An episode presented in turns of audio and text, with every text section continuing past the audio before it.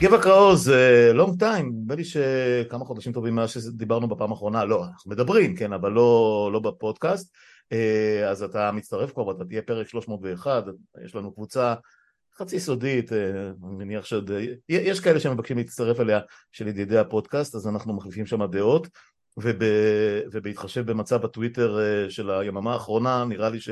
אנחנו בסוף נגיע ונסתפק בוואטסאפ, שגם הוא אגב שייך לצוקרברג בצד השני, שזה בכלל צרה צרורה, אה, אבל לא חשוב. אה, אז זהו, מה שלומך? מה, איך, החיים ככה לקראת החופש הגדול? אה, באופן אישי, כמו שנהוג לומר אצלך, בסך הכל בסדר גמור. באופן מדיני וקבוצתי, יכול להיות יותר גרוע, זו התשובה שאני תמיד אומר, יכול להיות יותר גרוע, ועוד יהיה.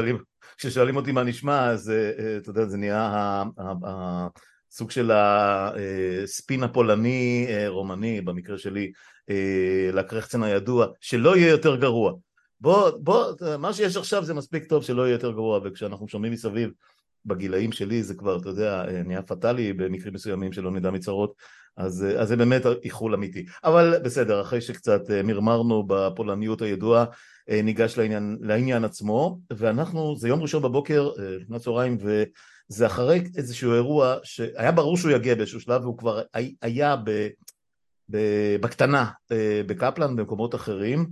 כל הסיפור הזה שהתחיל בעצם אני חושב בהפגנה הראשונה שהביאו דגלי אה, פלסטין אה, בהבימה ממש לפני בינואר ו, ובעקבותיו נהיה אוקיינוס הדגלים כחול לבן בשביל להסוות את האנשים שחושבים אחרת. ואתמול זה כבר התפוצץ בין חבר'ה שמפגינים נגד הכיבוש באופן צריך להגיד די uh, קולני, uh, לפעמים אפילו אגרסיבי, uh, אני חייב להגיד לך כמה מהחברים שלי נמצאים שם, ואני כמובן נגד הכיבוש והכל, אבל, אבל לפעמים הם קצת קרציות, שלא, אתה יודע, ככה בינינו בשקט, ואחים לנשק, שזה ארגון, לא יודע, אתה, תגדיר אותו יותר טוב, קצת התנפלו עליהם, והם קצת התנפלו בחזרה, וגז בבנייה ולא גז בבנייה, וגז פלפל ואני לא יודע מה, וזה כאילו היה צפוי, נכון? זאת אומרת, הרגשנו שזה הולך להגיע, ההתנגשות הזאת.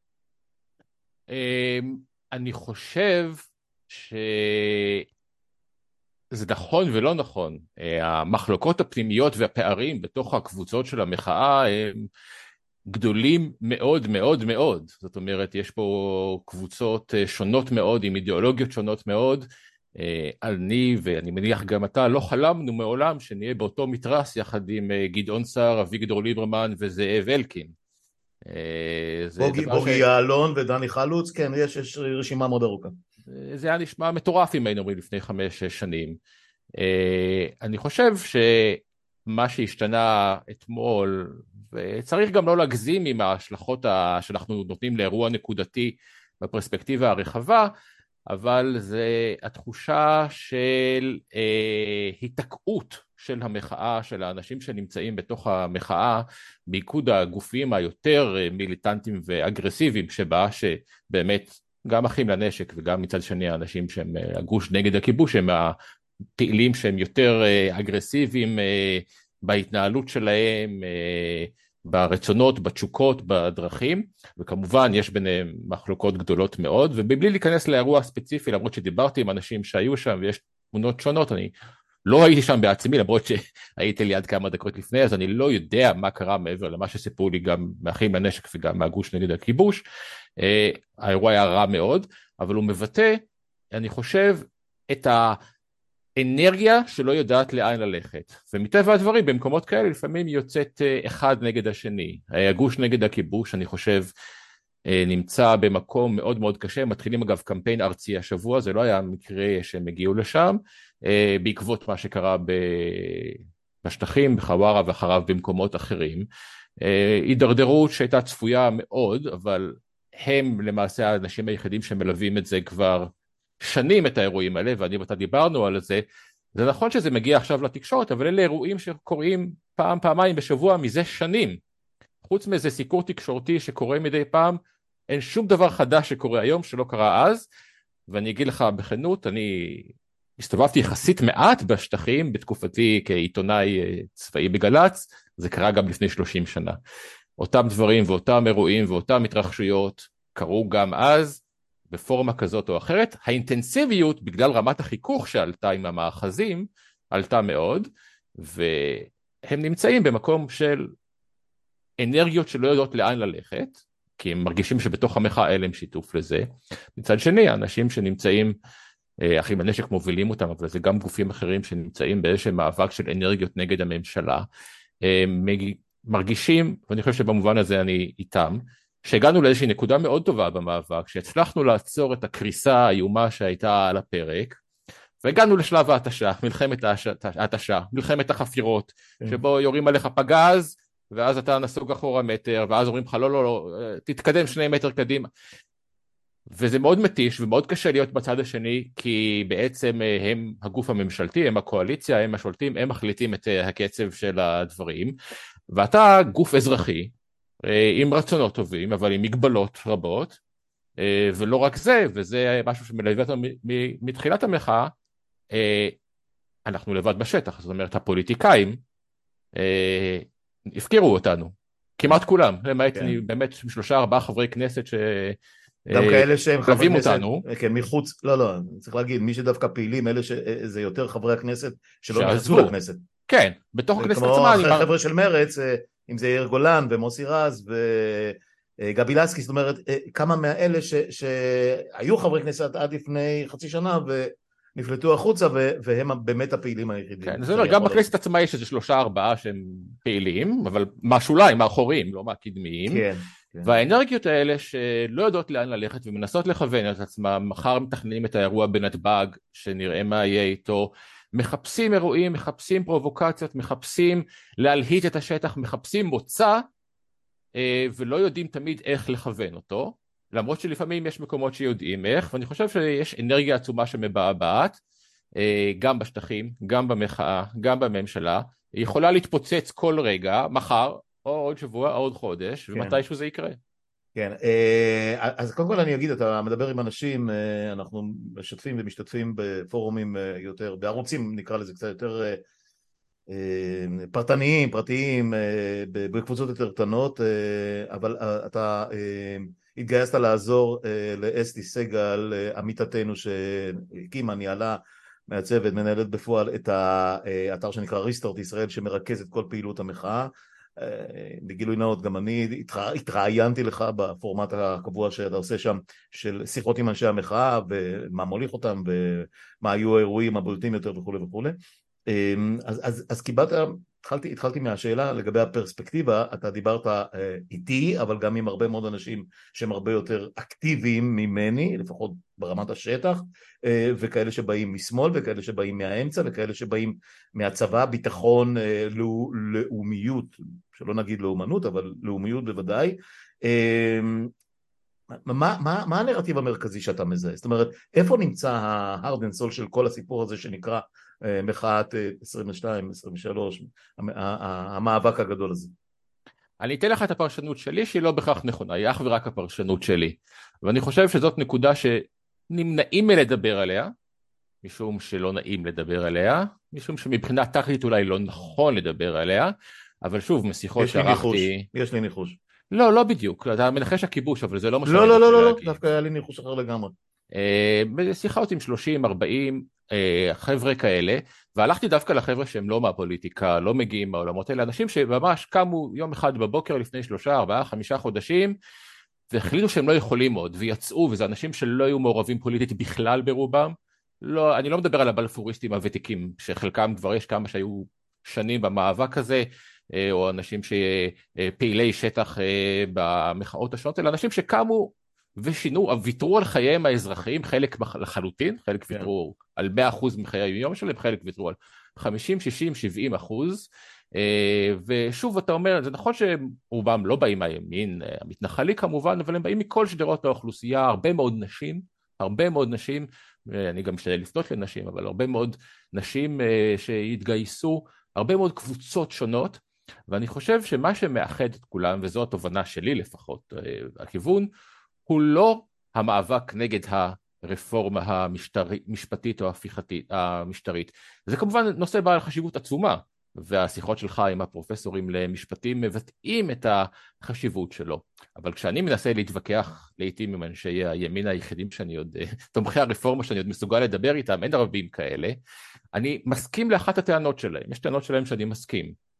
והטענה שלהם שאני מסכים אליה היא שבסופו של דבר הוויכוח האמיתי ומה שמניע את האנשים זה לא הפרוצדורה לבחירת השופט כזה או אחר, או סמכותו של בג"ץ לפסוק לפי חוק הסבירות, עילת הסבירות, או לפסול לפי דיונים אחרים.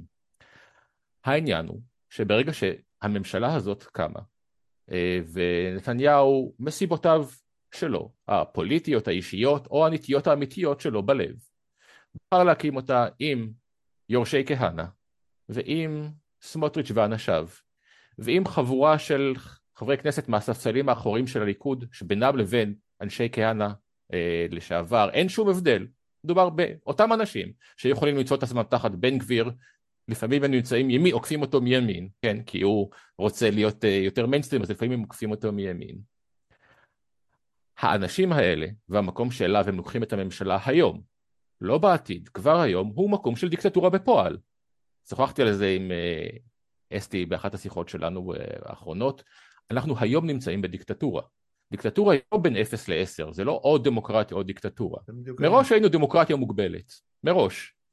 עם uh, מה שקורה בשטחים, וגם עם uh, חוסר בחוקה, וגם עם uh, uh, המשטר הצבאי ששרר פה בחלק מהשנים, ועם העובדה שאין כמעט מגבלות על הרשות המבצעת, מראש לא היינו דמוקרטיה מי יודע מה. עדיין היינו דמוקרטיה.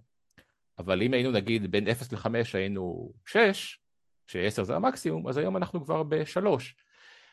המאבק נגד הרפורמה המשפטית היא בעצם נועדה לסלק מדרכם של חובבי הדיקטטורה ומדינת ההלכה והשאיפות את הכלים שמפריעים להם בדרכם.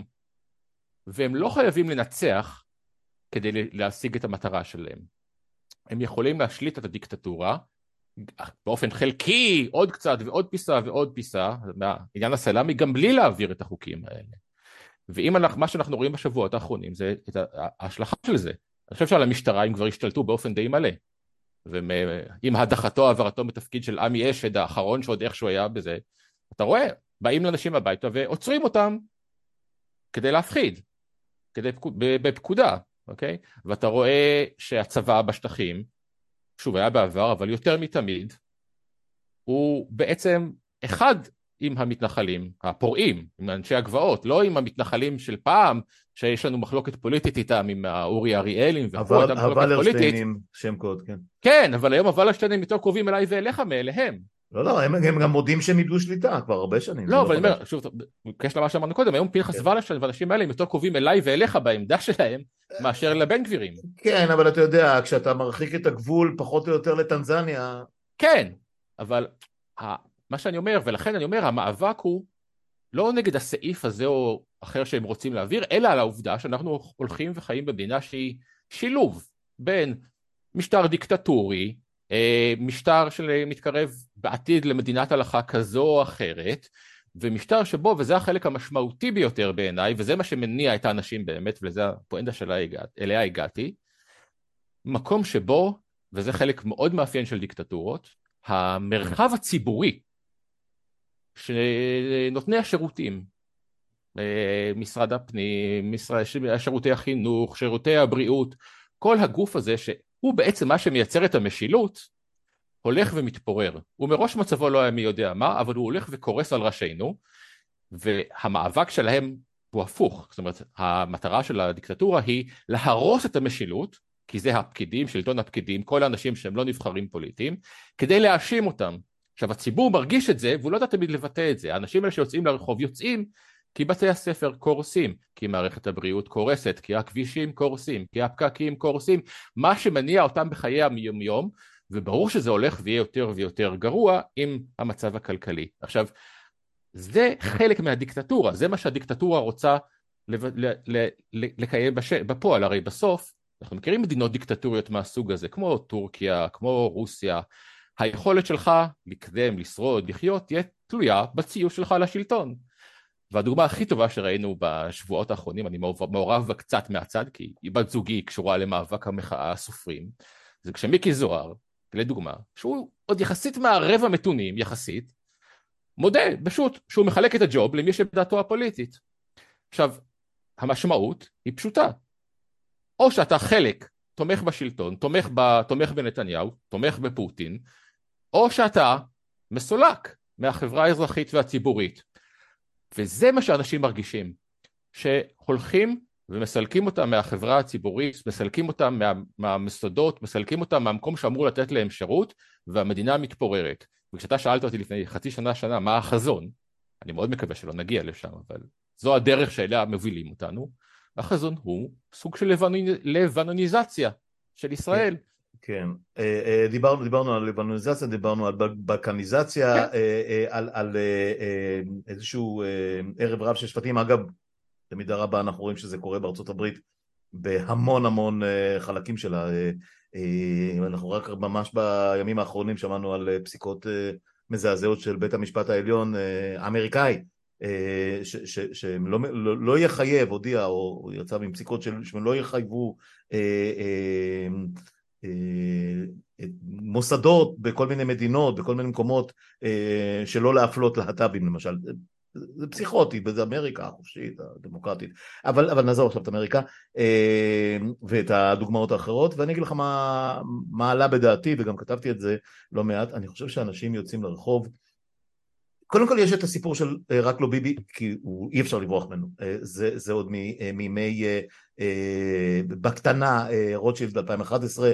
וביותר גדולה כיכר גורן 2016, 17, 18 ואחר כך כמובן לאורך השנתיים של בלפור ובקורונה והתוצאה הייתה כמובן הממשלה של בנט לפיד וכן הלאה. הדמון הזה, הדבר הזה שמביא עלינו את כל הסיפור הזה כבר 30 שנה ויותר אי אפשר לברוח מה, מהתחושה של באמת היא, היא חובקת, אגב חובקת גם את הביביסטים, כי הם הרי שומרים עליו יותר מאשר על כל... אף אחד לא נלחם על בן גביר, אף אחד לא נלחם על סמוטריץ', הם נלחמים, מתאבדים על נתניהו, כי הם מבינים מה הדבק שמחזיק את כל הסיפור הזה, ומי מכניס אותם בכלל לעמדות הכוח האלה. אין לנו שום מושג, אנחנו יכולים להגיד מה שאנחנו רוצים על מיקי זוהר, או על, או על אה, דנון, או על אקוניס, או על שד יודע, כל השמות האחרים. סליחה? הם פיונים בלבד. בדיוק, אנחנו לא יודעים איך הדבר הזה שנקרא מדינת ישראל, המערכת הפוליטית הישראלית, הליכוד, אה, הימין, איך הוא ייראה ביום שאחרי שהדבר הזה יצא, אה, יצא מהוורידים שלנו אמ, ואי אפשר, זה, זה, זה, זה, זה שם, זה שם ואחרי שאמרתי את זה אני חושב שמה שמחרפן את כולנו ואני אמר, אמרת בהתחלה שהרבה מאוד אה, כאלה אנשי הייטק, אנשי מהנדסים אנשי middle of the road לחלוטין, כאלה שאפילו הצביעו ליכוד, אבל לא בהכרח ליכוד, כל הגנציסטים למיניהם, מדש ועד, אה, ועד לפיד, גנץ, ממשלות, מפלגות המרכז לדורותיהן וכולי, לא היו, זה פוליטיקה, תעזוב אותי כל פעם שהיינו מתכנסים חברים והכל, אתה, לא, אתה מתעסק עם הפוליטיקאים, אני, אני לא, אתה יודע, כלכלה, עבודה, ילדים, נכדים, חו"ל, חזרה, קריירה, פתאום, פתאום הם מרגישים כמו שאמריקאים אמרו אחרי 9-11, אתה עם אוריינטציה אמריקאית, נולדת שם וכולי, אה, אתה יודע את זה. האמריקאים לא רתחו על שלושת אלפים ההרוגים, בוודאי שכן, זו טרגדיה איומה, הם רתחו על attack on our way of lives, אה, אה, וזה מה שהממשלה הזאת עושה. ראינו את המתנחלים, ראינו את ההתנחלויות, ראינו את הדת ומדינה, ראינו את הרבנות, ראינו את הדרעים למיניהם, שאנחנו מבינים עכשיו שהם אה, נהפכים לאימפריות, כל המשפחה הזאת לאימפריות כלכליות מטורפות על חשבוננו וכן הלאה והלאה.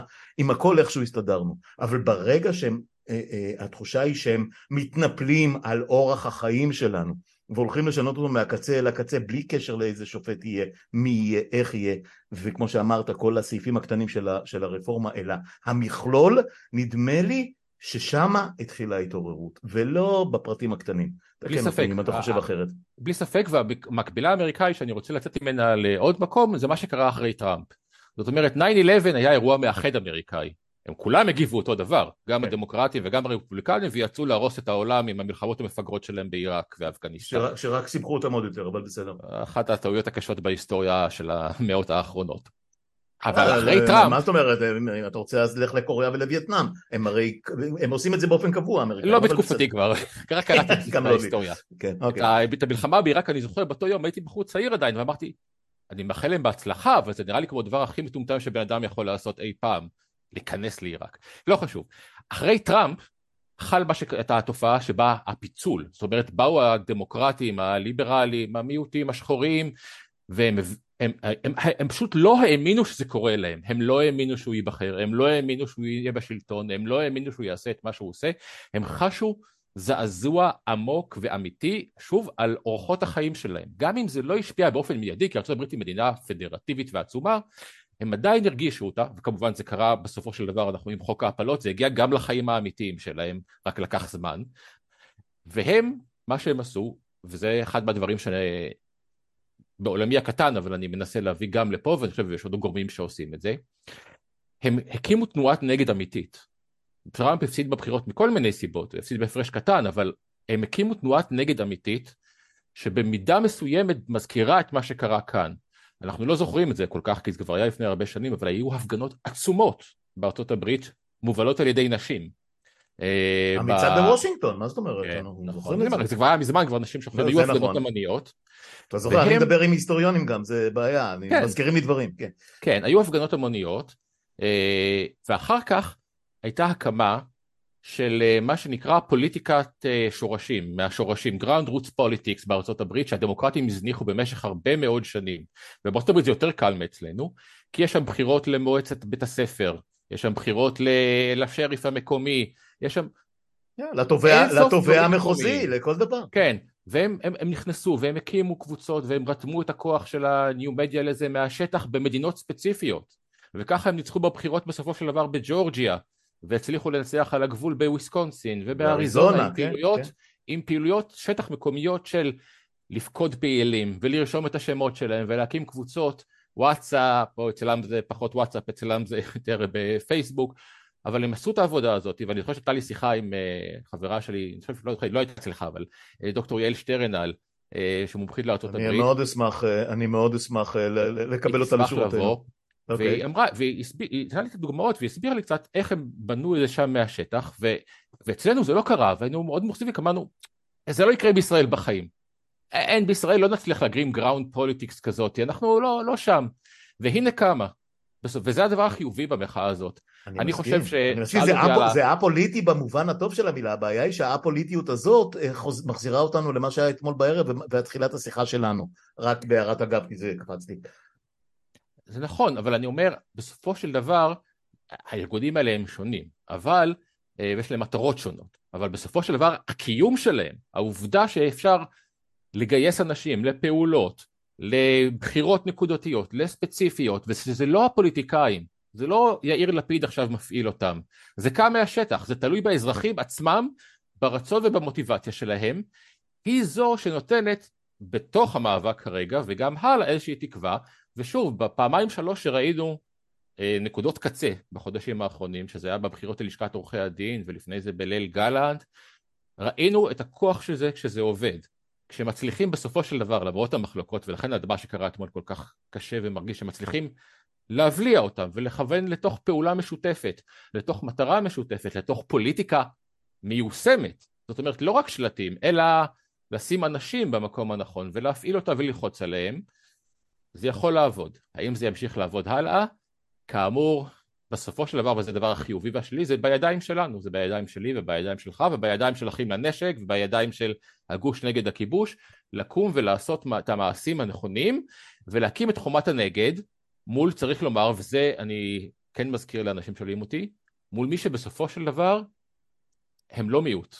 אני לא יודע אם הם הרוב, או אם הם יהיו הרוב, אבל הגוש של אה, תומכי ש"ס, תומכי יהדות התורה, המתנחלים, הם לפחות מחצית מהאוכלוסייה כאן, זה אנחנו... אני לא יודע אם זה 30 אחוז או 40 אחוז, לא, יש לא, גוש אמצע עדיין. בגדול, בגדול עם, אה, ספרנו, ספרנו. עם הילדים. לא, לא, עזוב, בסדר, אה, אה, תשמע, הייתי לא בפגישה לא- לפני לא שבוע. זה לא גוש קטן. לא, לא, להפך, אמרתי, זה בערך מחצית מהאוכלוסייה, אני לגמרי איתך.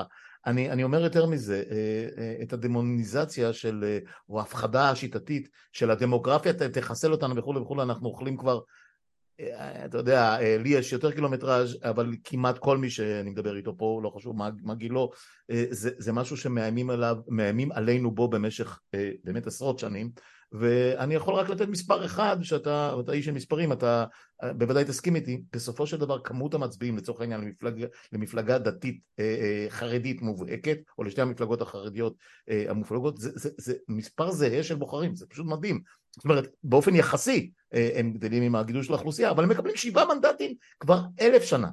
אה, זה מה שמקבלים. עכשיו, יש פה את הסיפור של החרד"לים, וש"ס שזה סוג של סניף של הליכוד, והליכוד עצמו שהוא חצי או שליש ממנו אה, חצי לאום חרד"לים כאלה גם, מתנחלים וכולי, ויש את התפלצת של סמוטריץ', אבל גם הוא יחד עם בן גביר, הוא פחות מהמפד"ל שהייתה אה, בשיאה, אז ככה ש... אה, בסוף המספרים מתכנסים בדיוק לאותו 50-50 שאנחנו מכירים מהשיטה הדו-מפלגתית שהייתה פעם. זה לא השתנה באופן כל כך דרמטי, בגלל העלייה הרוסית, בגלל הרבה מאוד דברים שקרו פה. אבל, אבל, אמ, אני, אני רוצה לחזור שנייה אחת לסיפור של our way of lives. אמ, תראה, אחרי שביבי לא יהיה פה, ואחרי ש... אה, אה, מה שלא יהיה, הם יעבירו חלק מהחקיקה, תהיה מלחמה, אה, אה, אם נגיע, אולי יהיו בחירות, אם נתניהו ילך לאיזשהו הסדר טיעון, דיברנו על תחילת העדות שלו בעוד כמה חודשים, השאלה אם הוא ירצה לעלות על, על יכול להיות שמה שראינו עכשיו עם ה... כולם, כולם פירשו את זה, אה, הסיפור של, של ההערה לגבי השוחד מכשירה הסדר טיעון מקל יותר בענייני הפרת אמונים, לא יודע, לא יודע אני, כבר, אני כבר לא יודע כלום, אני גמרתי להעריך ואין לי מושג, יום אחד זה ייגמר, יום אחד, לא יודע בני, בני כמה נהיה אה, ואז המערכת תסתדר מחדש. אבל, עכשיו אני חוזר לבסיס הזה, לבסיס של קפלן ושל נתניה ושל באר שבע ושל אשדוד ושל הטוויטר ושל הפודקאסט שלי ושל כל השאר, מי, מי ילך למלחמה הזאת ברמה הפוליטית? ואין לי תשובה לדבר הזה. אף אחד מכל ההתארגנויות האלה שאנחנו מדברים עליהן, מי, מי, מי הבר... היום מישהו קרא להם הברסלבים, אה, עקיבא נוביק, העם העתיר אה, נכנס בשקמה ובאחים שלה וכולי. אה, אגב, לא מלכה פופטי, אבל באמת זה, לא, זה לא, לא, לא קשור לכלום. אה, כל הסיפור הזה של חיבור של התעלמות מהכיבוש, ההנפה או הניפוף, או איך שקוראים לזה, של הדגל הלאומי, של הלאומיות, של הביטחון, שנכנס לכל דבר אה, מול נתניהו אבל מול, מול גם גוש, גוש הכיבוש וכולי וכולי. אה, אני לא רואה עם מי אנחנו יוצאים למלחמה הפוליטית והמעשה נעשה בפוליטיקה. אני לא רואה אתה, אתה דיברת עם אנשים אתה ראית שמץ של משהו שיכול להפוך ל, ל, לכוח פוליטי ביום שאחרי או ביום הבא או לקראת אני, בחירות? אני אחלק את התשובה לכמה חלקים. סליחה על השאלה הארוכה אני מתנצל. כן כן. אני, אני אני אשים רגע את ה... למרות שאתה לא אוהב את זה, אני אשים רגע את הכיבוש והשטחים בצד, משום שזה... אני לא אחזור גם אליהם, אבל בסדר. לא משנה מה יקרה בפוליטיקה, לא משנה גנץ, ביבי, לפיד, אפילו אם ראש הממשלה יהיה מוסי רז, הם יתפוצצו עלינו יום אחד. היום, מחר, עוד שעה, עוד חודש, עוד חצי שנה, עוד שנתיים, עוד שלוש, זה יתפוצץ. אין דרך אחרת. וזה לא, ופה המחלוקת הפוליטית ביני לבין אנשי השמאל, זה לא תלוי רק בנו. זאת אומרת, זה תלוי גם בהם. המחלוקות שם בין החמאס, לג'יהאד, לפתח. לא משנה מה נעשה, יום אחד זה יתפוצץ, וכדרכם כן, מכיוון דברים... שאנחנו הכוח השלט וכולי וכולי, האחריות היא עלינו, הלאה. וגם אם לא נהיה שם, עדיין זה יתפוצץ. הלאה. אוקיי? אז אני שם את זה רגע בצד, כי זו שאלה אחרת. אני חושב שמה שלמדנו בפוליטיקה, ושוב, זה רק דעתי, אה, שהשאלה שאלת היא חשובה, אך לא משנה. הכוח הפוליטי, וזה המעשה הדמוקרטי, וזה מה שדיברנו קודם על ארה"ב ואני מדבר על עכשיו, הוא הכוח של הפעולה היומיומית. מה שחשוב זה המעורבות האזרחית היומיומית, וגם אם נבחר את מי שהמנהיג שלנו יהיה אה, מספר 7 היום ביש עתיד, שאני לא יודע מי זה סתם אני אומר את השם, או מספר 9 במחנה הממלכתי, מה שחשוב זה שיום יום נרדוף אחריו, ונפגין מולו, ונצעק עליו, ונגרום להם לעשות מה שאנחנו חושבים שנכון, כי המנהיגים בסופו של דבר שנבחרים, למעט יחידי סגולה, אה, בן גוריון או צ'רצ'יל, whatever, הם עושים מה שהציבור, מה שהם חושבים שהציבור שלהם רוצה. הם פוליטיקאים, הם נוטים לפשרות, הם רוצים את תמיכת הציבור, והם קשובים, אבל אנחנו הזנחנו, האזרחים הזניחו את המעורבות שלהם, לא היינו מעורבים ביום יום, לא היינו מעורבים בבחירות לעירייה, לא היינו מעורבים בהפגנות, לא התפקדנו למפלגות, לא הצבענו לאנשים הנכונים, לא הטרדנו אותם בוואטסאפים באמצע הלילה, אני מדבר עכשיו על הפוליטיקאים שלנו, גם על האחרים. למדנו לעשות את זה. אין דבר יותר אפקטיבי במחאה הזאת עם ההפגנות מול הבתים של הפוליטיקאים. זה הדבר האפקטיבי ביותר ש, שקורה, וככה צריך להיות תמיד. אני לא תמיד אני חושב שעושים את זה בדרך, בדרך הנכונה, לפעמים צריך להיות יותר פרובוקטיבי, לפעמים פחות, אבל זה הדרך הנכונה. ובארצות הברית זה עניין ממוסד, אם חבר הקונגרס שלך לא עשה משהו, הוא מקבל 17 אלף מכתבים באותו יום, ו-17 אלף טלפונים ווואטסאפ, אנחנו צריכים להיות מעורבים. עכשיו באופן עקרוני אני חושב שגם לא, למרות ששוב אני לא חושב שאני תומך בהם ולא כאלה, אני חושב שגם אה, לפיד בצד שלנו, גם גנץ מישהו עוד ימני, הם אנשים בפוליטיקה, הם הוכיחו את זה שהם לא, לא בורחים, בניגוד לפוליטיקאים אחרים. אני מעדיף אישית את לפיד וגנץ על בוגי יעלון ואחרים, כי הם ברחו. זה קל לברוח. קל, יותר קשה להישאר, לספוג את האש ולהמשיך. מה יהיה בעוד 10-15 שנים? אף אחד מאיתנו לא יודע. התרגום לכוח הפוליטי הוא, לצורך העניין, המבחן שלו יהיה שאחוזי ההצבעה ברשויות המקומיות יעלו בעשרה אחוז, אוקיי? לא בשאלה מי ייבחר. שאנשים יבואו להצביע, כי זה בחירות שלא באים להצביע. זה ראינו בלשכת עורכי הדין דיק וכשבפעם הבאה שמרץ ומרב מיכאלי או whatever מי יהיה לא ירוצו לרוץ ביחד, אז אנחנו צריכים להיות חמשת אלפים איש מתחת לבית של מרב מיכאלי ולשרוף צמיגים. ולא עשינו את זה, אני כתבתי לוואטסאפ, אני כתבתי לאימייל, אני שלחתי טוויטר, אני לא הבאתי חמשת אלפים איש לשרוף צמיגים מתחת לבית, למרות שהיינו ידענו שזה מה שיקרה. כן. זה המבחן הפוליטי, שאנחנו כאזרחים חמשת אלפים איש, חמש עשרה אלף איש, שלושים אלף איש, האנשים שבאים לקפלן, האנשים שבאים, נדע להמשיך יום יום, בוקר בוקר, להפעיל את הלחץ, לכוון את הדברים, ולהשיג את הניצחונות הקטנים שאולי יאפשרו לנו to hang on to our way of life. אני לא בטוח שזה יצליח. יש גורמים חיצוניים שלא תלויים בנו. מה יקרה עם האמריקאים, מה יקרה עם הרוסים, אתה יודע, יום אחד אנחנו מדברים ועוד רגע, אתה יודע, אני מחזיר אותך תשע שנים אחורה. שבוע בדיוק אחורה, כן. לא, זה בסדר, פתאום תשע שנים אחורה, פתאום יש הפיכה צבאית במצרים. וכל העולם קורס מסביבך. אז... כמעט, כמעט, כמעט כנופיה השתלטה על הקרמלין, אתה יודע, לפני שבוע בדיוק. כן, אה, עוד, עוד רגע כאילו כנופיית פשע השתלטה על הקרמלין והייתה מלחמת אזרחים ברוסיה. אז יש גורמים חיצוניים שלא תלויים בנו, אבל במלחמות קטנות שלנו ביום יום, זה הדבר החשוב. וזה מה שאולי יעזור לנו לצמצם את הפערים, ואני חושב, חזרנו לתחילת השיחה, זה מה שמוציא את האנשים לרחוב. לא רק התחושה שדיברתי לה, אלא התחושה שהם מצליחים. התחושה שהושגו ניצחונות. אני, בתוך הפאוזה של הבלגן וה, והקושי והסלמי, מה שהשגנו, מה שהמחאה השיגה, בעצירת הפיטורים של גלנט, מחיקה של הצעת רוטמן לוין לוועדה לבחירת שופטים שהייתה מכל החקיקות, החקיקה הקשה והקטסטרופלית מכולם, והיא לא תחזור בשום סיטואציה, גם אם יחזור משהו אחר, יחזור משהו אחר. שניים שלושה הדברים הכבדים ביותר שהם רצו להביא עלינו בשיטת ההלם ולשנות את כללי המשחק ולהפוך את ישראל לדיקטטורה מוחלטת כפי שהם בעצמם הודו, או שיריב לוין הודה, עצרנו את זה. וזה דבר שקרה במעט מאוד דמוקרטיות בעולם, במעט מאוד מקומות, המחאה האזרחית כזאת הצליחה לעצור. התחושה הזאת של אנשים שהם הצליחו והם עצרו, היא זו שמניעה אותם קדימה. וכרגע אנחנו בתקופת ביניים, אבל זה מה שאני אומר לאנשים, בתקופת ביניים הזאת תימשך עשרים שנה.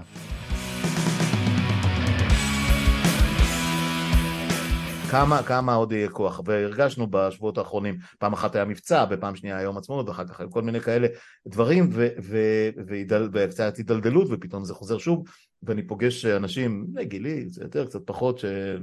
זה, זה מדהים, אני הולך בקפלן עשרות אלפי אנשים ואני פוגש כל רגע פרצוף, פרצוף מוכר אחר והתחושה הייתה שאנחנו נפגשים אותם אנשים מדי שבוע מחדש אמ, ו, והדבר היחיד, נו, מה יהיה, מה עושים, עוד שבוע, שום דבר לא קורה, ואז אה, מישהי, אנחנו מכירים אותה, לא חשוב השם כרגע, אומרת לי, אני באה בכל שבוע לפה רק בשביל שלא יגידו שיש פחות אנשים. זה, זה מין, אה, אה, מין תחושה משותפת כזאת של כמעט כולנו. זה המקום, אגב, שאלת אותי כן. לגבי הפוליטיקה, זה המקום ש, שהוא קיים במחאה הזאת והוא לא קיים מספיק, שבו צריכים להיכנס מה שנקרא בארצות הברית, ואנחנו מכירים נשיא שהיה כזה, האורגנייזרס. זה היה, אובמה היה כזה, ככה הוא התחיל.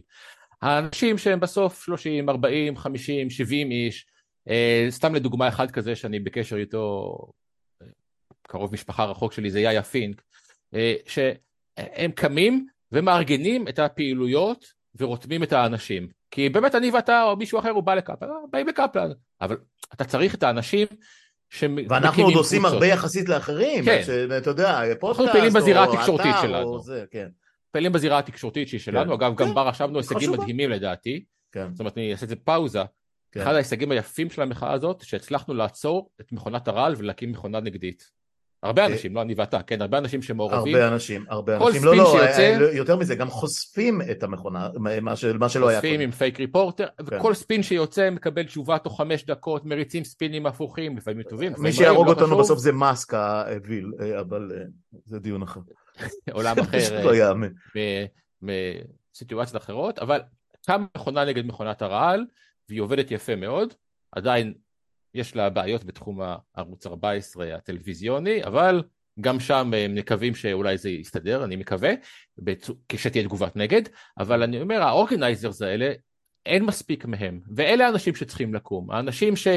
אה, יש אורגנייזר, ידעו- אתה, אתה דיברת עם חלק לא מהם, פוליטי. הבעיה היא שהם לא לגמרי, הם, הם, הם באים לא פוליטיים. מתחומים, זהו, הם, הם באים מתחומים של לארגן דברים שהם לא בדיוק הדבר הזה.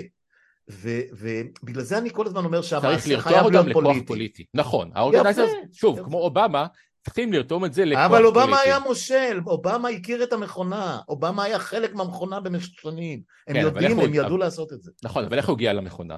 סתם ברמה ההיסטורית. הוא היה אורגנייזר קהילתי בשיקגו. בסדר? אוקיי? אוקיי? המכונה הדמוקרטית בשיקגו זיהתה בו מאה אחוז. את הפוטנציאל. אנחנו לא מזהים את, ה- את. האובמה הזה שלנו כרגע, זה, זאת, נכון, זה התסכול הכי נכון, גדול אבל שלי. אז זה המקום שבו, שוב, אנחנו עדיין צעירים, אבל זה המקום שבו אנשים מהסוג הזה, לא רק אובמה, אנחנו צריכים 20 אובמה בשכבות הביניים. ואני מקווה, אני כרגע לא אופטימי, אבל יש עוד זמן, שבבחירות לרשויות המקומיות יצוצו. אני מחר יש לי פגישה עם מישהו שרץ לרשות המקומית בתל אביב. מישהו מהמחאה, לא חשוב, אה, די- אוקיי. די מהכלכלנים, דיסטנט. אוקיי. אה, אני מקווה שזה יהיה נקודת זינוק, כי פה יש נקודה שבה אנשים צריכים להתרומם, לרוץ לא לראשות אני העיר, מדבר על זה בלי סוף. את, השיחה האחרונה שקיימתי, שיחה. שנמצאת עכשיו באוויר כן. עם אמיר כוכבי, אבל כמה וכמה, ונכון שהעיר היא קטנה, אבל, אבל הוא, אה, אני לא יודע אם ראש חץ, אבל אחד המובילים בכמה נכון. שנים האחרונות במנהיגות מקומית שמשנה דברים. אבל לצערי בפוליטיקה המקומית, בראשי העיר אנחנו נמצאים די טוב. זאת אומרת, רוב ראשי העיר, כולל ראשי העיר הם ליכודיות, נכון, ליכודים, כן. הם לא שם, הם לא נכון. במחאה, הם לא, נכון. כאילו, לא בדיקטטורה. הם, נכון. בגלל שיש להם תושבים כאלה ואחרים, בגלל שזו יודעים- בחירה אישית והם יודעים מי התושבים שלהם. כן, יודעים. אפילו ב- ביישובים של הפריפריה הרחוקה, שהם הארדקור ליכודניקים, לא תמצא את ראשי הערים צועדים ליד הבן גביר וכאלה. הבעיה היא שלנו, או המקומות שבו אנחנו צריכים להיכנס בו, שאותו הוזנחו לאורך השנים, זה במועצות. כי לכאורה מועצה מקומית זה תפקיד מפג... אין כסף, ואין כאילו הרבה השפעה. כן, הם תקועים אבל בחיי היום-יום של האזרחים- מושב, כן, בין להיות מושב להיות עיר, זה זה בעיה. כן, אבל בחיי היום-יום של האזרחים, יש לו השפעה, בוודאי. ובעיקר הוא בונה את הכוח. כי מה קורה? אתה חבר מועצה, אני מכיר את זה מתל אביב ובמקומות אחרים, אתה אוטומטית יוצר קשר קהילתי עם 5,000 איש, 10,000 איש, 15,000 איש, שהם באים אליך בתלונות על הכביש, על המדרכה, לא משנה. אבל אתה, אתה בונה לך כוח קהילתי שאותו יכול לרתום אחר כך לדברים אחרים. ואם אתה פוליטיקאי שיודע לעשות את זה, כמו תמר זנדברג או אחרים, אז אתה מתקדם הלאה קדימה. זה המקום שבו אנחנו השמות ש- נמצאים. הש- השמות, אה, היחיד שעשה רושם, ש- אה, שעושה את זה כבר הרבה מאוד שנים זה מוסי רז, שאני יכול לזהות, אבל הוא כל כך מזוהה עם, עם, עם מרץ ושמאל ו, וכיבוש, שאני לא רואה איך הוא יכול לסחוף אה, אה, את המרכז הקיצוני, כמו שאני קורא לו. אה, אה, אה, והאחר ששוחחתי איתו לפני כמה חודשים, או חודשיים, שלושה, זה יאיר גולן, שגם הוא יש לו את הבעיות שלו, ואני לא כן, יודע כמה הוא יוכל לסחוף. אבל אני מדבר על דרג הביניים. הדרג למעלה, אותי לא מעניין. אבל יהיה גנץ. בסוף הולכים להצביע. על, על שמות שמופיעים על ה billboards, ככה זה בחיים. כן, מה אבל זה? זה, בבחיר, זה בבחירות הארציות, אוקיי? אני אומר, אנחנו, קודם כל פרה פרה, אין בחירות ארציות על הפרק. נכון. אני מניח שלא יהיו להיות. בשלוש שנים הקרובות. לא, אני, אני חושב שזה יקרה קודם, אבל זה לא חשוב כרגע. כרגע, מה שיהיה, יהיה, נדון בזה. כרגע יש לנו. בחירות מקומיות, אנחנו צריכים לבנות את כוח הביניים הזה.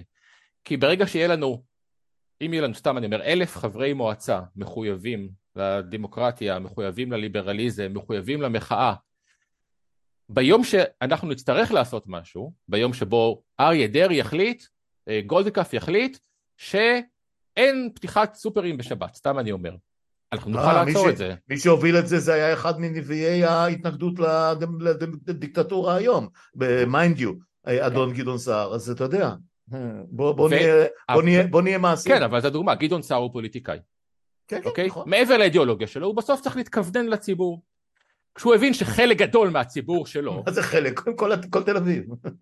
לא. רצה איתו לדבר הזה, נכון. וזה ה base שלו, כי הוא, את ה base של ביבי והליכוד הוא כבר לא יקבל בחיים, אז הוא, היום גדעון סער חזר אחורה, אה, היום אה, כן, מרכז. זה אולי בעמדת המתנה, אני, אני, אני כבר לא לא סומך עליהם. אתה יודע, מי, ש, אתה- מי שדופק אותי פעם אחת, אני לא נגמל מהתחושה שהוא דפק אותי, אתה יודע, לא כולל לדבר על גנץ. הפר... זה זה עניין פרסונות, אני מסכים איתך, אבל אני אומר, זה עניין פרסונלי. הציבור יכול להשפיע על הפרסונות הפוליטיות. אנחנו יכולים להשפיע על גנץ, אנחנו יכולים מקווה. להשפיע על גדעון סער. אני מאוד אנחנו- מקווה. אנחנו אנחנו לא יכולים את להשפיע על אנחנו רואים את. הטרופריזם ואני לא לגמרי אופטימי. אני לא לגמרי אופטימי, כי, כי הם כאלה, הם, הם במיינסטרים הביטחוני, מתנחלי, יישובי, התיישבותי, הם לא יכולים, הם לא מצליחים לזוז משם.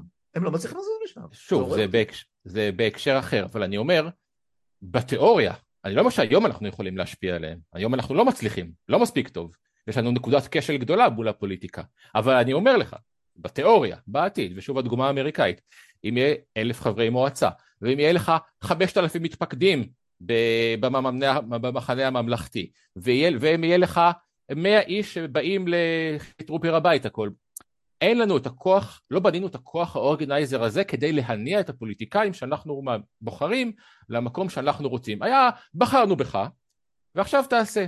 ככה לא עובדת דמוקרטיה טובה, ככה לא עובדת דמוקרטיה אמיתית. וזה נקודת הכשל העיקרית שאותה אנחנו צריכים לנסות לתקן. אני אגיד לך איפה עשינו אני... צעדים ראשונים בלבד. ראש... שוב, אנחנו כמה אני אגיד לך חודשים. ממה אני חושש. אני אגיד לך, אני, מסכים איתך לגמרי, אה, אבל אני חושש אה, מהעובדה ש, אה, שאני מכיר, או אנחנו מכירים, גם אתה, גם אני, כל אחד בקבוצות שלו ובמעגלים שלו, את, אה, את הכוח העצום הזה שנקרא כוח קפלן. אני לא שונא, שונא את הביטוי הזה, אבל נניח, אנשים שבאים כל שבת וכל שני וכל שלישי וכל חמישי ומפריעים והכל. אם וכאשר הממשלה הזאת תירגע באיזושהי דרך, תחוקק משהו קטן ואיכשהו איכשהו, אה, תתפנה למריבות הפנימיות שלו והכל, ברגע, ש, ברגע שתהיה תחושה של רגיעה, כמעט כל מי שיצא לרחוב היום לא יצא מחדש. יחזור לביתו, בעיקרון אתה צודק, אבל המזל שלנו, ואני לא חושב שזה ישתנה, שהם לא יעשו. שהממשלה שהם בחרו, לא, כשאתה בונה ממשלה עם שלמה קרעי ועם אה, דודי כן. אמסלם ועם גל... הם לא יכולים לסתום את הפה שלוש דקות. אה, אה, נכון, הם מעוררים את המחאה מדי שבוע, אנחנו רואים כן, את זה. הם והמשטרה. היחיד שביבי שולט בו זה את יאיר, הבן, ואותו הם שלחו לגלות. שולט פה. הוא שלח אותו לגלות, הוא שלח שלח- בלו"ז כי- כי כי היוצרות שם נהפכו, כן. כי הוא עשה נזק בלתי יאומן, הוא עורר את המאבק, לא, הוא הביא מפגינים בעצמו. אגב, זו תעלומה שאני הוא הוציא את ממש... ביידן בדעתו. כן. הוא הוציא את ביידן בדעתו. כן, כן, מה זאת אומרת? את. כל המערכת, את כל הבית הלבן. אה, אז- אז- אז כל לא, עוד הם אגב, שם, באמת חייב חייב רק להעיר פה, יעירו מדהים אותי, אותנו. שאין אף גוף עיתונאי שהביא את התשובה לגבי מה, מה קרה שם, כל השמועות שאנחנו מכירים, מה קרה שם באמת ואיפה הבן אדם ולמה הוא לא פה. זה מסוג הדברים שאני, אני לא מצליח להבין איך הזניחו את זה. תשמע, אבל- קודם כל לא יודעים, אבל התשובה היא פשוטה. כאילו, קודם כל הוא במיאמי, אנחנו רואים אותו זה מסתובב. כן, במיאמי. באופן לא. כללי, זה... הרי זה לא פעם ראשונה, תחזור רגע כן. אחורה, לפני הבחירות, מה קרה? איפה עיר היה בחודש- בשלושה חודשים שלפני הבחירות? במרתף של אה, קיסריה. לא, במיאמי. שלחו אותו למיאמי, לאמריקאים, כדי שלא יפקיר, יפריע בבחירות, לא ירתיח את השמאל. אה, אבל, אותו עיגלו, אבל יש בליכוד ובציונות הדתית, אתה לא פותח את הבוקר שעה בלי שאיזה מישהו יאיים על אורחות חל- החיים שלך. חלקם יושבים במעוזים של התאגיד, אה, לצערי הרב. כן, אז ה- ה- זה נכון מה שאתה אומר, אבל אנחנו פותחים, אני קם בבוקר בשבע, אני מדבר בשבע, אין סיכוי שעד שבע וחצי, רבע לשמונה, כבר לא רציתי, להתעצבנתי שלוש פעמים. זאת אומרת, הם, הם, הם עוזרים לנו. אה, האנשים, ש- מכונת הרעל, הוא, הוא, הוא, לא מצליח לשלוט בה יותר, היא עלתה על גדותיה. האם. הוא יצליח לשמור את הסיר מבעבע? כרגע הוא מצליח. זאת אומרת, הם לא מבצעים מרידה מבפנים נגדו.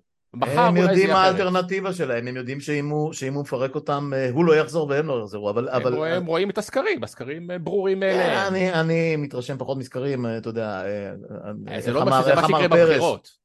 כן, כן, זה לא אומר שמה שיקרה בבחירות, אבל הם משקפים את. המצב רוח הציבורי. ברור, ברור. יש ציבור, אני חוזר רגע גם לה- להתחלה של השיחה, גם בציבור בצד הזה, בחמישים אחוז, יש חלק לא עצום לצערנו, אבל חלק, 10, 15, 20 אחוז. המטוטלת צריכה שבורגנים שרוצים חיים מאוד. טובים. היינו בתיקו, גבע, הם היינו בורגנים בתיקו. שרוצים חיים טובים.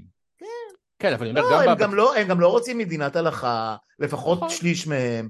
או חצי מהם, והם לא רוצים, אה, אה, אה, הם לא מעניין אותם. השופטים, ולא מה, אף, אף שופט לא פגע בהם, הרי רוב האנשים לא נזקקים לא לשופט, ולא לבורר, ולא, אתה יודע, זה לא כולם לא עולם חשוב, תחתון. השופט מבחינתם זה סמל למפא"י. זה שופטים הסמל- זה, זה זה מפא"י. בדיוק העניין, הכל סמל למפא"י, גם, גם רקטור של נכון. אוניבר... של, של, של, אה, אתה יודע, זה של מפא"י. פיזיקה גרעינית, של פיזיקה גרעינית או של קוונטים או whatever, מבחינתם זה מינוי של מפא"י, בלי שום נכון. קשר לשום דבר, מה, מה הם בכלל יודעים? אה, בסדר, אבל שוב, אני את הסנטימנט הזה יכול להבין, אוקיי? זה סנטימנט אנושי מובן, מוצדק או לא. לא, אני.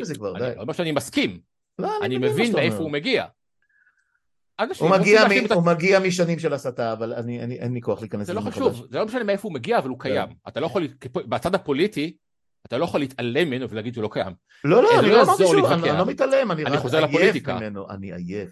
בסדר, אבל זה בדיוק העניין, בפוליטיקה אתה לא יכול להתעייף. אם אתה רוצה אבל אני לא לנצח, פוליטיקאי, מה אני אעשה? נכון, אבל עכשיו שאלת על איך רותמים את זה לכוח הפוליטי. כשרותמים את זה לכוח כן. הפוליטי, אתה צריך להבין את האנשים, להבין את המניע שלהם, להביא הם באים ולראות אם אתה יכול לספק להם פתרון.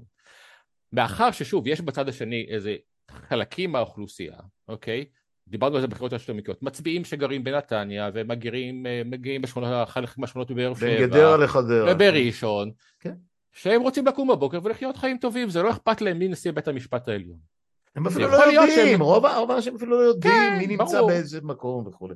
אם אה, אנחנו- אה, אם נצליח לסיום, גבע, אני אני רוצה לצרף את שהשיחה- כן. יהיה אולי איזושהי תקווה. אני, אני רוצה לסיים ב... ב מחר אה, צפו להיות אה, האירוע בנתב"ג, לא כל כך ברור לי מה הוא יהיה ו... הם לא, אתה יודע, מצד אחד המחאה לא רוצה לפגוע באזרחים שטסים כי זה יקים עליה, עליה עלינו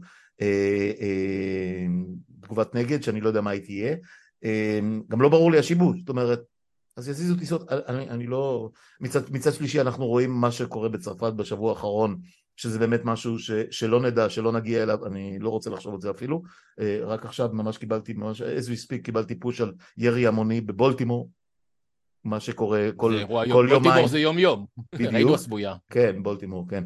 אה, אה, מה, מה, מה עובד באמת? אה, מ- מ- מכל השיחות והמעקב וממה שאתה מתרשם, קפלן עשה עבודה מעולה, קפלן ובנותיו, אה, אה, עשה עבודה מעולה בחודשים הראשונים, אנחנו רואים שעכשיו אה, אה, הם מנסים להעביר חקיקה או תקנות שאסור יהיה לה- להטריד אה, בעלי תפקידים מול ביתם וכולי, זה באמת השלב הזה שבו אה, אה, המחאה צריכה להיות אה, הטרדה פרטנית והפרעה לחיי היום של הנבחרים, או שיש דברים אחרים שאתה חושב שיכולים להשפיע יותר?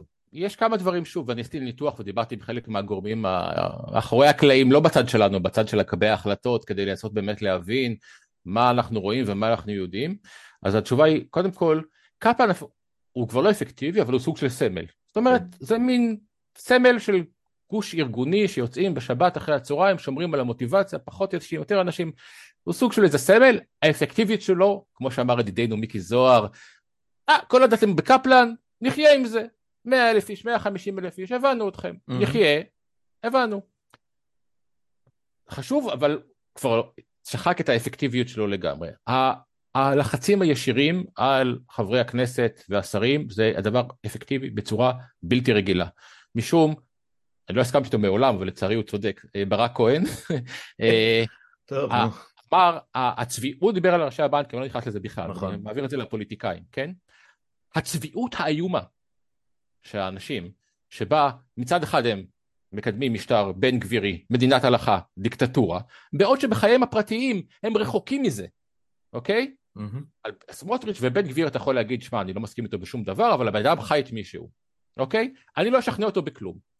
חברי הכנסת מהליכוד, חלקם אפילו כמה בציונות הדתית, חלקם, שבחייהם, אורחות החיים שלהם הם כמו שלי ושלך, חיים בעולם הליברלי, אוכלים אה, שרימפסים בבית קפה, לא ראו בית כנסת מחייהם, ורוצים לחיות את החיים האלה, אבל מסיבות פוליטיות אישיות, אנוכיות, או בגלל שזה לטובת הכיבוש, מעדיפים את השותפות הזאת עם בן גביר, לחשוף אותם, ללחוץ עליהם, להראות את הצביעות שלהם, זה פוגע בהם באופן אישי בצורה הקשה ביותר, ולכן הם מתנגדים להפגנות האלה. זה לא בגלל הרעש שלא נעים, שזה כמובן לא, לא, רעש לא נעים. ודאי, ודאי שזה זה בגלל. הדיסוננס הפנימי שנוצר בנפשם.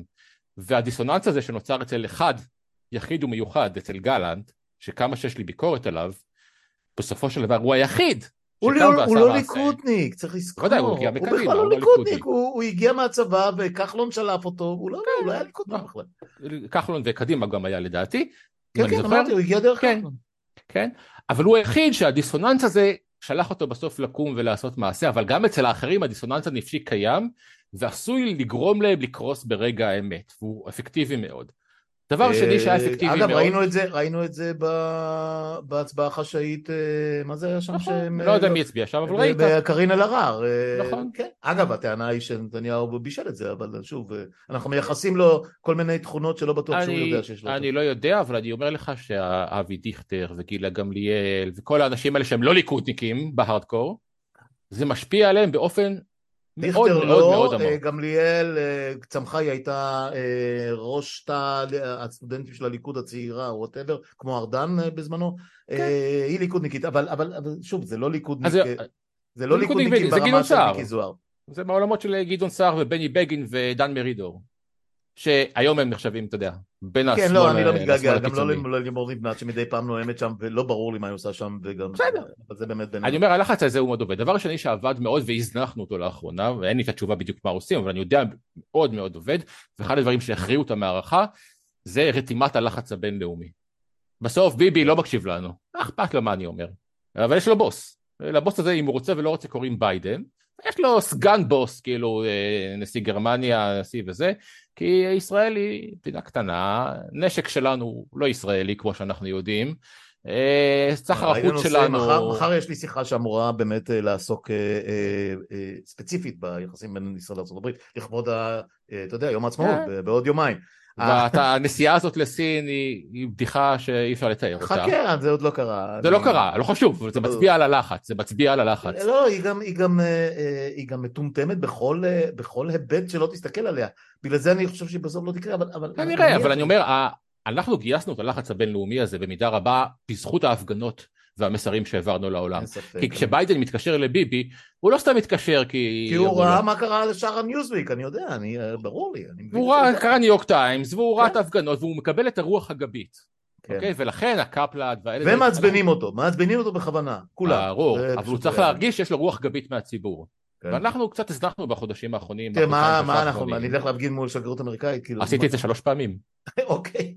הלכתי. להפגין מול השגרירות האמריקאית שלוש פעמים. אה, תשמע, השגריר, השגריר האמריקאי הזה אה, חוטף אה, אה, ריקושטים מהפוליטיקה הישראלית כמו שאני לא חושב שאי פעם איזשהו שגריר קיבל. פה תמיד השגרירים האמריקאים היו סוג של סלבס, מהימין זה היה פרידמן, באמת קוקו מוחלט מתנחל, אבל, לאורך כל השנים כן. הם היו סוג של פרסונה גרטה בכל צורה שהיא, וזה, הוא נמצא, ב, אבל- הוא נמצא באזור, אה, ב- באזור מלחמה, נכון, אבל אני יכול להגיד שוב, בהקשר הזה, ההפגנות של הישראלים בחו"ל, שמתנפלים על כל שר שמגיע לפריז וכו', זה אפקטיביות שאין לתאר, אה, של מעט מאוד הפסיק אנשים. לנסוע בגלל זה, הוא הפסיק לנסוע בגלל זה.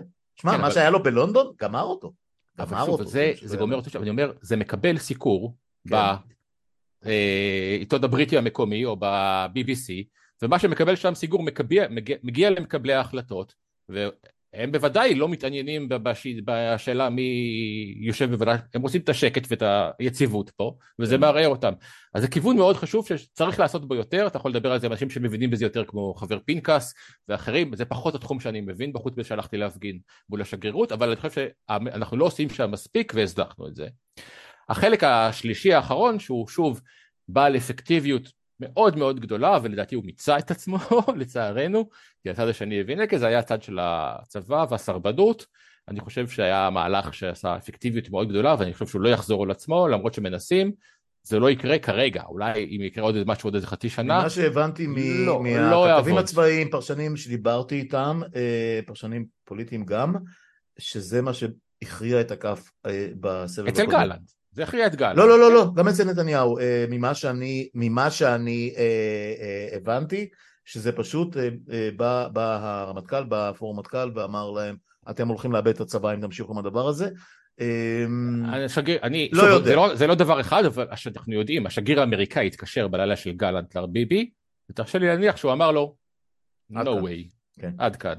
כן. אה, אז אה, זה בסוף דברים משולבים. אני חושב כן. שהדבר הזה לא יחזור על עצמו ומיצה את עצמו, משום שה...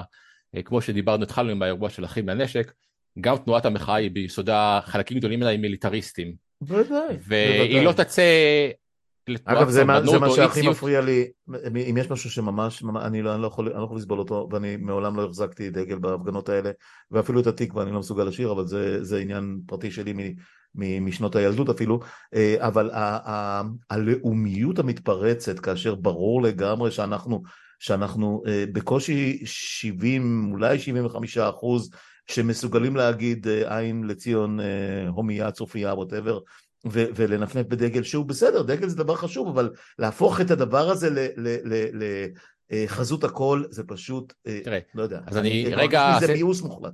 אני רגע, אני מבין את ההרגשה, ואני אעשה רגע פאוזה לכובעי האחר מימיי ימימה כתואר שני בפילוסופיה, עם התמחות מסוימת גם בפילוסופיה הפוליטית, ולמי שהייתה אחת המורות שלי, יולי תמיר, אה, הלאומיות יכולה להיות כוח חיובי ופוזיטיבי. השאלה היא לא, אני, אין לי בעיה, אני לא אולי לא עושה את זה לפעמים, אבל לנפנף בדגל ולשיר התקווה זה דבר טוב וזה דבר חשוב. השאלה היא אילו ערכים אתה יוצק לתוך הלאומיות.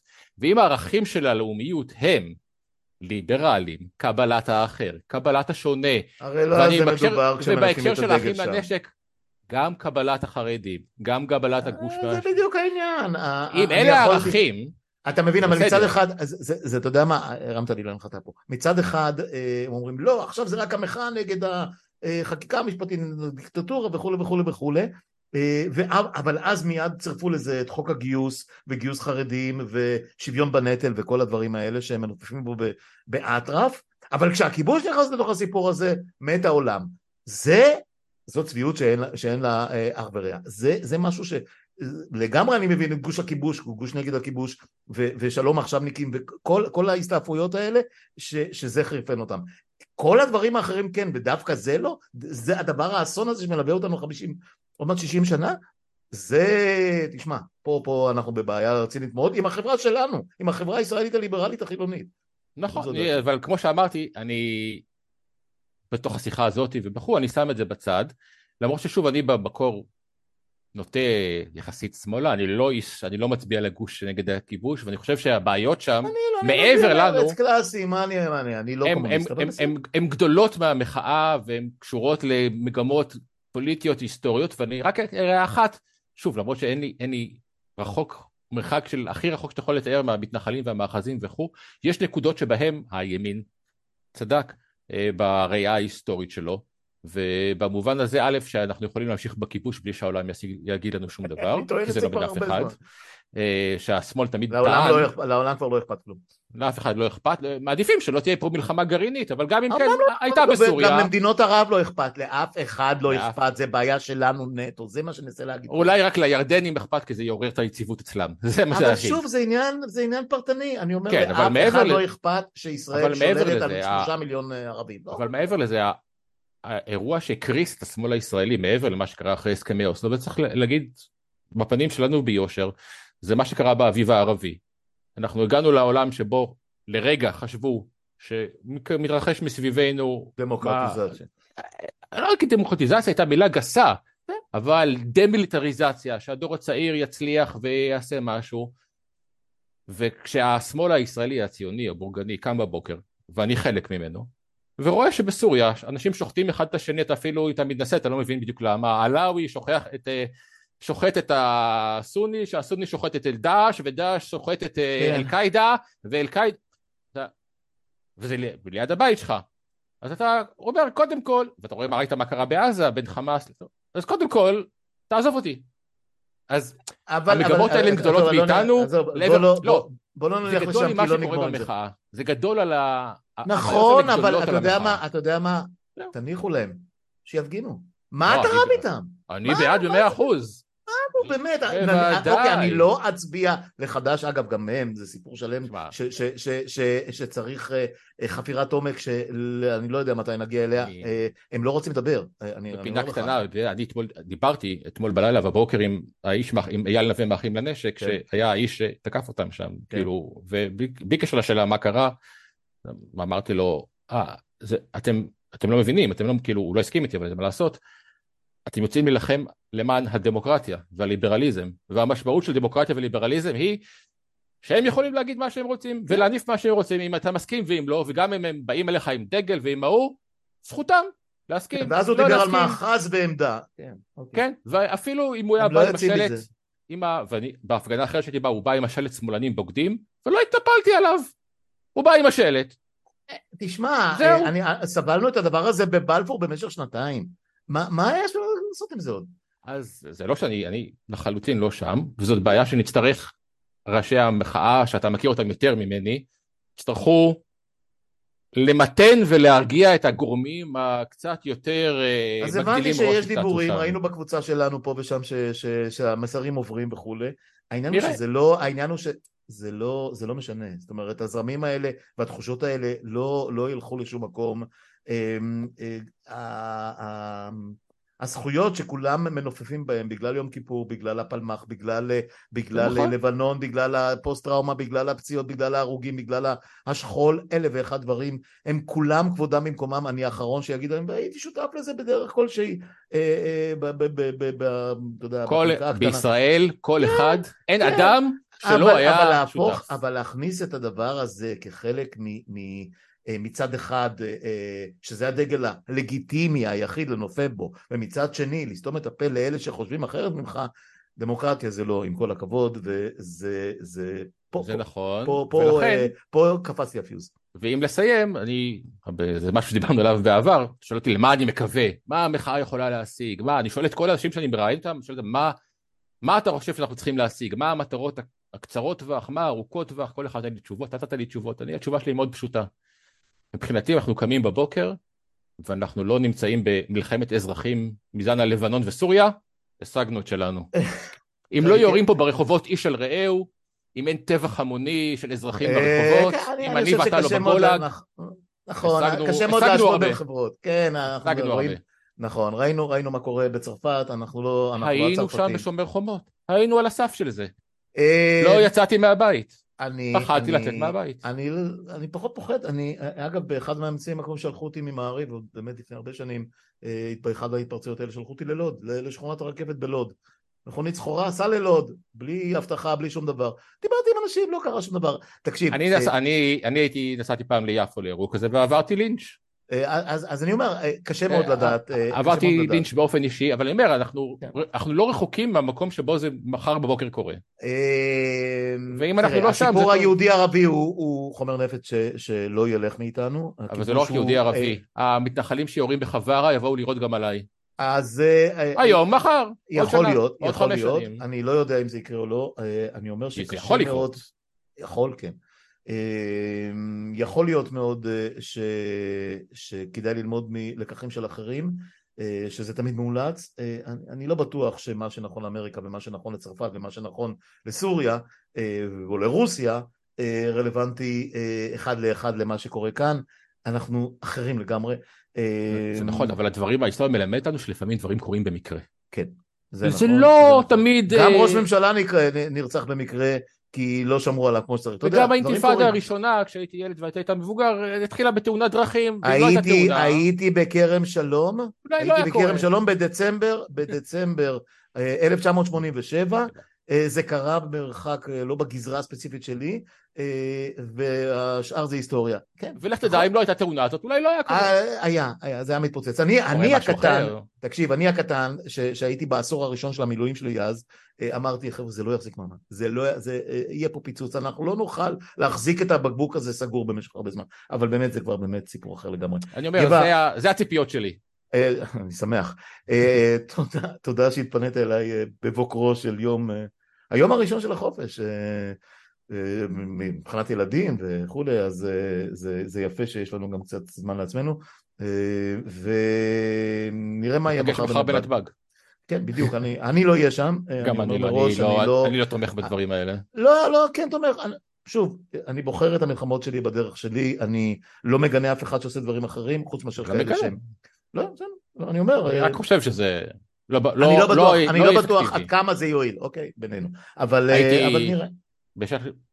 הייתי עושה נתב"ג מול הבית של, אה, אתה מבין, יולי אדלשטיין, או מול הבית, או מול הכנסת, או מול משרדי, אה, משרדי הממשלה. כן, תשמע, הלחץ צריך להיות על האנשים. הסובו ציון של הכנסת בזמנו לפני, כמה זה כבר, חודשיים או שלושה, כן. היה מרשים בצורה מטורפת.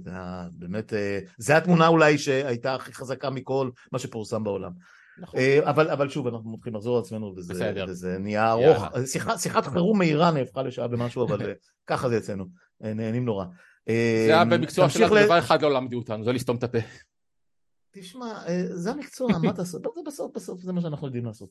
אמ, תודה, אה, נעקוב, אתה תמשיך בפעילות שלך באתרים, ברשת וכולי, אני אמשיך במפעל הפסיכי הזה שלי, אה, ונקווה רק שבאמת הקוקו הזה מטוויטר לא יהרוג לנו את כל הפלטפורמות, כי צריך איכשהו להפיץ את הבשורה וזה הולך להיות מסובך, אני כבר, כבר יש לי תחושה כזאת אלא אם כן יחזור בו, אבל אני לא סומך על מרק, אני כבר באיזה 120 קבוצות אז אני לא, אין לי כוח להתחיל לחזור, אני עדיין שם ומשתף גם שם, אבל זה נורא מייגע פייסבוק, זה נורא מייגע. לא, לא, וואטסאפ, לא פייסבוק. וואטסאפ בסדר, התחלנו בזה, ראית? זה כן, הקבוצה, שתדע שזו הקבוצה הראשונה שפתחתי בחיי.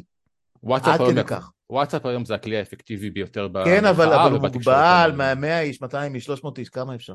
זה נכון. בסדר. אה, גבע קראוס, תודה שהתפנית אליי. אה, תודה על השיחה הזאת. אני מתנצל בדיעבד שלפעמים נכנסנו אחד לדברי השני, אבל אה, היינו נסערים, אז תבינו, ולא נורא. השיחות הבאות יהיו יותר רגועות. ביי בינתיים. להתראות. ביי.